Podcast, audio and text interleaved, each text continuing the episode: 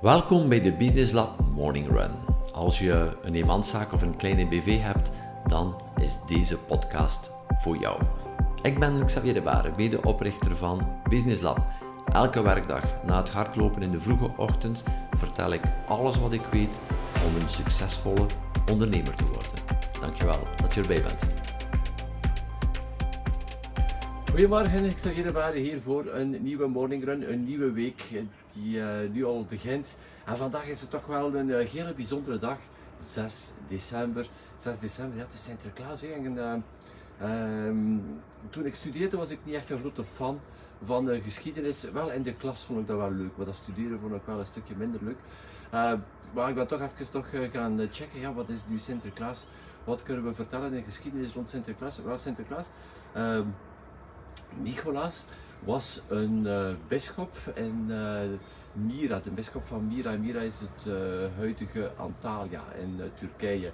En hij was daar bisschop en hij overleed op 6 december in het jaar 342. Dat was toen nog het Romeinse Rijk op dat moment.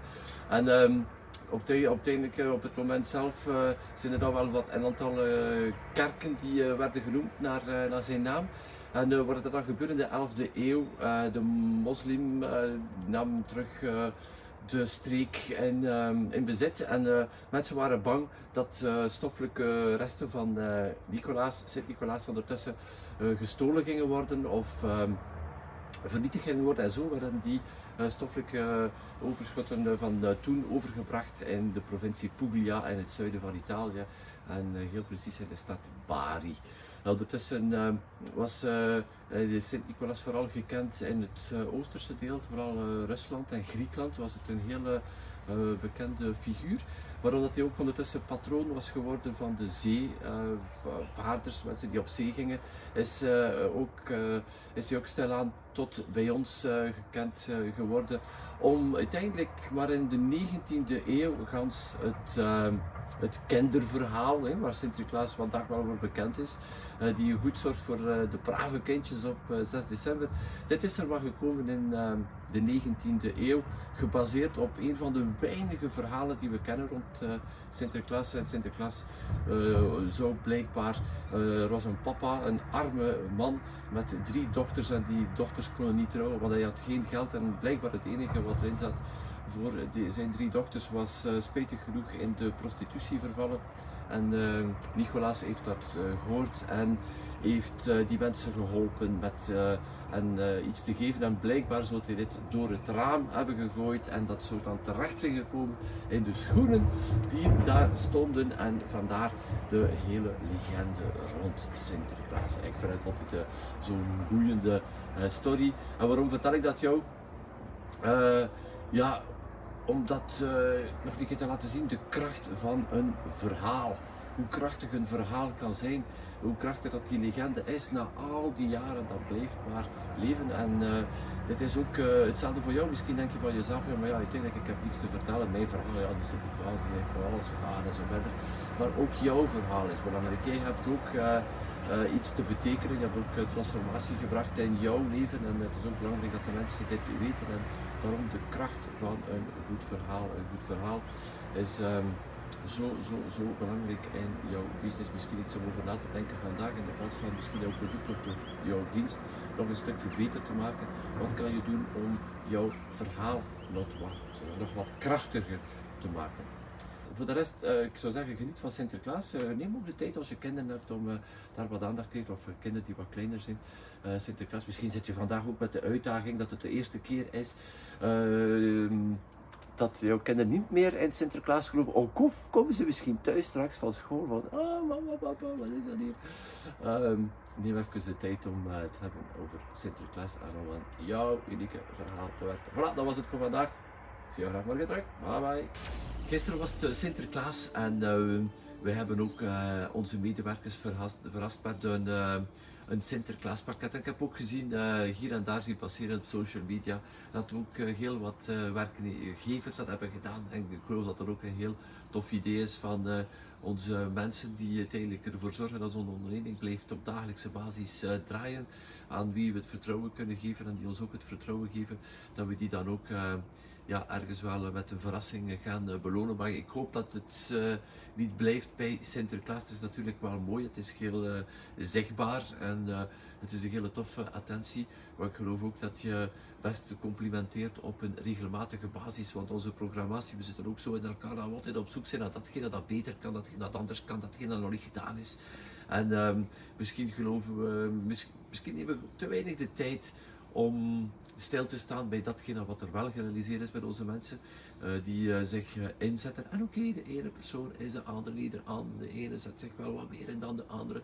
Maar toch geloof ik dat mensen veel meer bij jou ehm, zich goed voelen voor de herkenning dat ze krijgen dan het loon die op het einde van de maand op hun rekening komt. Dus die, die herkenning van datgene wat er is, datgene dat er goed is, op regelmatige basis gaan complimenteren. Ehm, zien wat dat er is, ook gaan, uh, gaan vragen waarmee ze zitten en ook uh, uh, goed, goed, goed luisteren. En het zit dan in, die kleine dingen die het verschil maken. Dus niet alleen als de cent komt, jouw mensen gaan belonen, maar ook op regelmatige basis. Train jou daarop om te zien wat er is, want jouw mensen gaan veel meer doen voor het complimentje, voor dat klein duwtje die ze krijgen, voor die dikke duim die uh, ze krijgen uh, dan voor, ja, dan voor een, een reward in, in, geld. En uiteraard ja, zijn er ook soms zaken die fout lopen en daar moet er ook op geattendeerd worden. Maar neem dat dan ook de tijd voor. Um, in de mate van het mogelijke doet dit ook niet in de emotie. Als je net iets ziet, dan wauw, heel vaak komt er zo wat ergernis of soms misschien nog meer wat colère naar boven. Dan is het ook het juiste moment niet om uh, daarover in gesprek tussen aanleidingstekens te gaan, dan vliegen we vaak uit en uh, zeggen we niet altijd de juiste woorden of zeggen we dingen die uh, niet gepast zijn. Dus beter even laten overgaan, het eventueel neerpennen, je erop voorbereiden en daar een apart gesprek voor doen. Maar voor een complimentje is het altijd het juiste moment. Dus wij vragen naar jou toe, wel complimentje of compliment dan, meervoud, kan jij vandaag uitdelen aan de mensen rond jou, aan jouw medewerkers maar ook uiteraard aan de mensen bij jou thuis, die uh, er ook zijn elke dag voor jou en die ook die kleine dingen doen, die heel vaak ah, ondertussen al als uh, normaal worden beschouwd, maar die uiteindelijk niet zo normaal zijn. Dus uh, complimentje voor de mensen rond jou vandaag. Ciao! Verkoop is irrationeel en verkoop is altijd irrationeel, maar nu in deze tijden zijn er nog gekkere dingen. Mensen hebben heel vaak een irrationeel gedrag, zeker in de laatste maatregelen die er geweest zijn. Ik hoor van heel wat klanten, zeker in de horecasector en zo verder, waar het regent van annuleringen. En uh, wat uh, waarschijnlijk in C niet altijd zal nodig zijn, maar uh, mensen zijn bang of whatever. En het heeft ook geen zin om daar de reden achter te zoeken waarom mensen uh, in één keer beslissingen nemen, want uh, het, het, is heel irrationeel en daar kun je ook op zich niet zoveel aan doen. Het enige wat je wel in hand hebt is je voor jezelf zelf geen irrationele beslissingen gaan nemen, blijven beslissingen nemen die gegrond zijn op uh, fundamenten en blijven nadenken over een situatie. Dus wat ik nu heel vaak zie is dat er mensen prijzen gaan naar beneden doen in de hoop van die mensen die nu afhaken voor een of andere reden, een reden die niet logisch is, eh, die op nergens recht op eh, gegrond is. En ehm, met een lagere prijs, wat een irrationele beslissing is in business, deze mensen proberen terug te winnen. En um, ik geloof dat dit een uh, grote fout is als je daar al begint, want sowieso jouw totale marge wordt al gekelderd als die mensen niet meer komen. En als jij dan op die weinigen die dan wel nog komen, uh, te lage prijzen gaat doen, dan is jouw marge zo goed als nihil of misschien werk je gewoon voor niks. En uh, dat is, kan totaal de, bedoeling niet zijn. Dus neem vooral mee, um, mensen nemen irrationele beslissingen en een lage prijs gaat de meerderheid, de grootste meerderheid van die mensen niet doen veranderen van gedacht jouw menu van 39 naar 29 brengen bij manier van spreken. Die mensen die nu afhaken om iets te doen thuis, die gaan ook niet terugkomen omdat maar 29 is. Maar het punt is dat 29 verdien jij niet meer. Het is maar een hypothesevoorbeeld, maar ik geloof dat jij het meer hebt. Dus Mensen nemen irrationele beslissingen sowieso. Ga zeker niet mee. Ga ook geen irrationele beslissingen gaan nemen. Geen, um, geen zaken die, uh, die op niks gegrond zijn. Dus uh, dat wil ik jou toch wel meegeven vandaag. Want ik hoor heel wat ondernemers. En uiteraard die, die, ja, die toch wel lastig hebben met, met de situatie. Ook soms wel wat ergernis hebben door, met die irrationaliteit van de klant niet, zoveel, niet zoveel aan te doen. Gewoon blijven kijken naar datgene dat er is. Ook is dit niet altijd gemakkelijk. Ehm, ik heb ook het gevoel dat er meer mensen op dit ogenblik aan het vechten zijn tegen de lockdown dan tegen het virus op zichzelf. Dus dit is ook irrationaliteit. Op zich hebben we niet, niets aan te doen. Ga je daar ook geen vragen over stellen. Probeer ook die klant niet te gaan overtuigen. Het enige wat je kan doen is in een vorm van een ja, toch wel positiviteit blijven staan. Ook is dat niet altijd gemakkelijk, maar jouw ding blijven doen met jouw unieke stem. Uh, zoals jij het ziet en daar geen enkel, geen enkel, geen enkel compromis op doen. En vooral jouw bestaande klanten, dus wanneer de mensen die jou kennen, uh, blijf goed zorgen voor die mensen. Denk dat dat het belangrijkste is om in deze uh, bizarre tijden door te gaan. Ook is dit niet gemakkelijk om om te gaan met mensen die gekke dingen doen beslissingen nemen en zeggen, waarom is dat niet nodig? En ja, je gaat daar niet gaan achterhalen, dat gaat, uh, dat gaat tot niks leiden. Voilà, voor de rest, blijf vooral doen wat je graag doet. Doe het goed en um, keep on track. Bye bye. In de vorige morning run had ik het over het irrationele gedrag van klanten en van potentiële klanten. En ik wil daar vandaag rechtstreeks op uh, verder gaan. Uh, als ik het heb over concurrentie. De meeste kleine ondernemingen geloven dat uh, de grote concurrent een andere persoon, een andere onderneming is die hetzelfde doet of die ongeveer hetzelfde doet of die eventueel een of ander uh, min of meer alternatief gaat bieden. Wat je uh, te weinig kleine ondernemingen zien en dat is ook wel heel belangrijk als het gaat naar marketing toe en ook naar het verkoopverhaal, is dat de echte, echte, echte concurrent niet de concurrent is die ze denken dat het is. De echte concurrent is vandaag um, de te vele keuze en daardoor ook de, bijna de onmogelijkheid om heel wat mensen, om heel wat klanten, potentiële klanten, om een keuze te maken. Het uitstelgedrag van mensen, dat zijn uiteindelijk de zaken waar je echt, echt, echt in concurrentie mee bent. Uh, mensen die ergens wel goesting hebben, maar die dan uh, de beslissing gaan uitstellen dat ook uh, disengaged zijn, zoals we dat noemen. Ze hebben goesting erin, goesting erin, in één keer er komt iets voorbij, boom, het is weg, geen goesting meer uit, omdat je uh, misschien niet snel genoeg bent geweest of uh, whatever.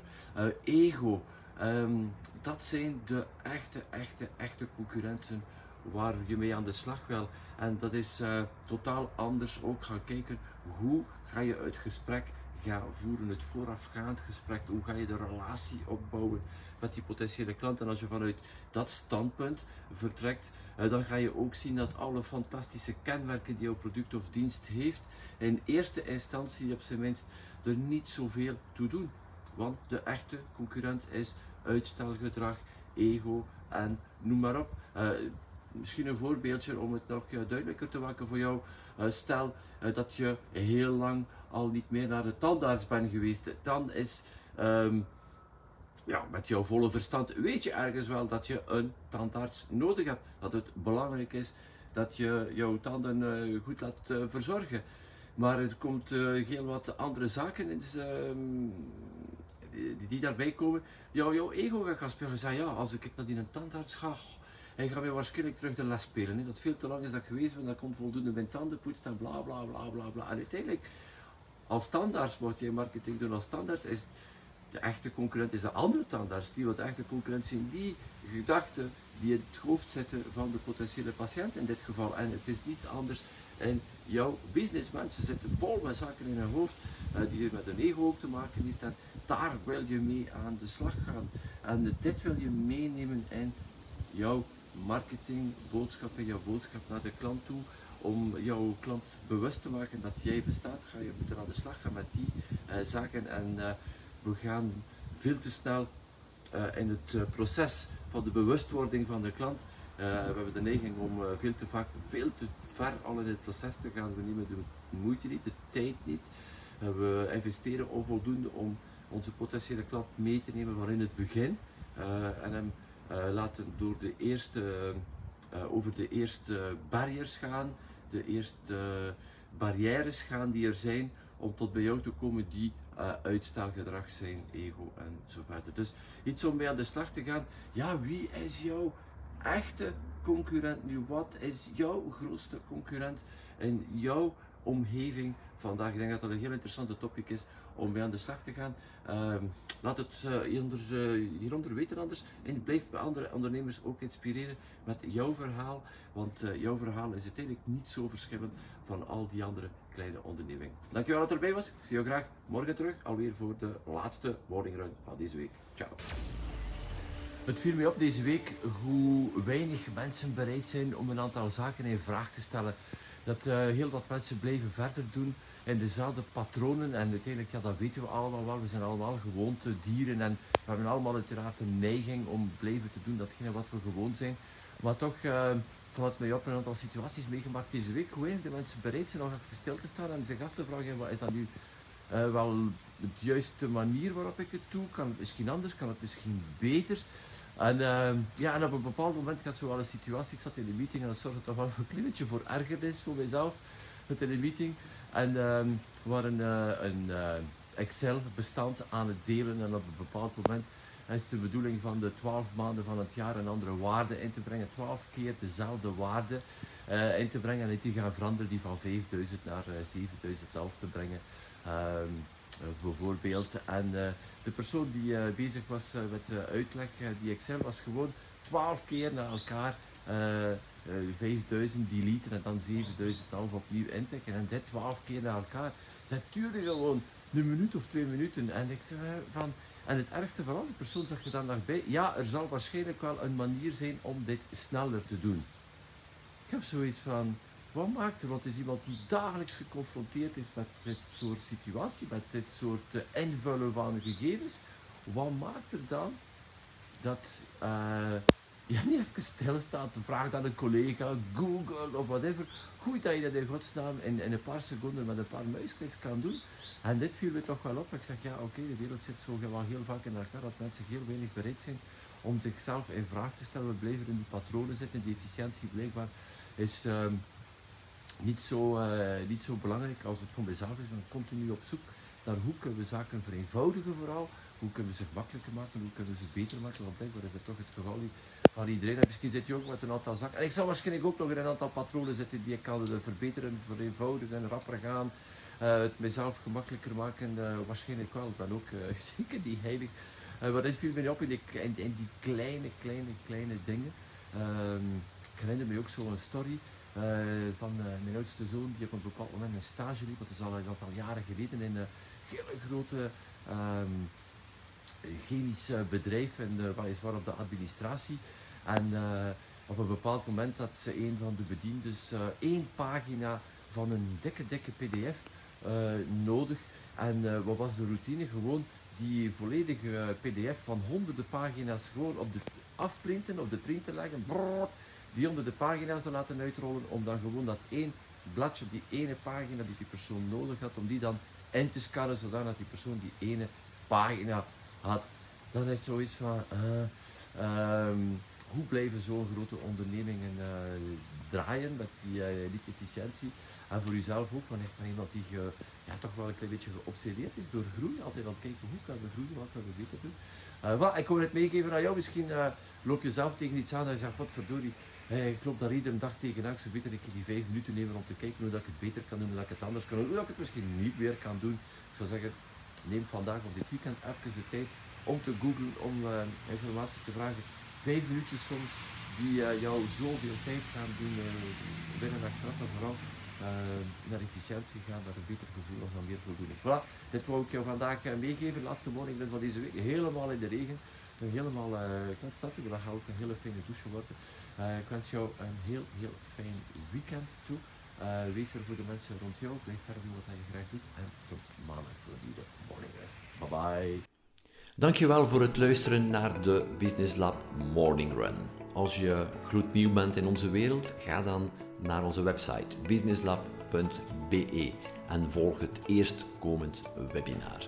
Mocht je onze podcast al een tijdje volgen en je houdt van wat je hoort en je vraagt je af hoe Business Lab je kan helpen met de groei van je zaak, contacteer dan vandaag nog mijn team en vertel ons precies waar je naar op zoek bent.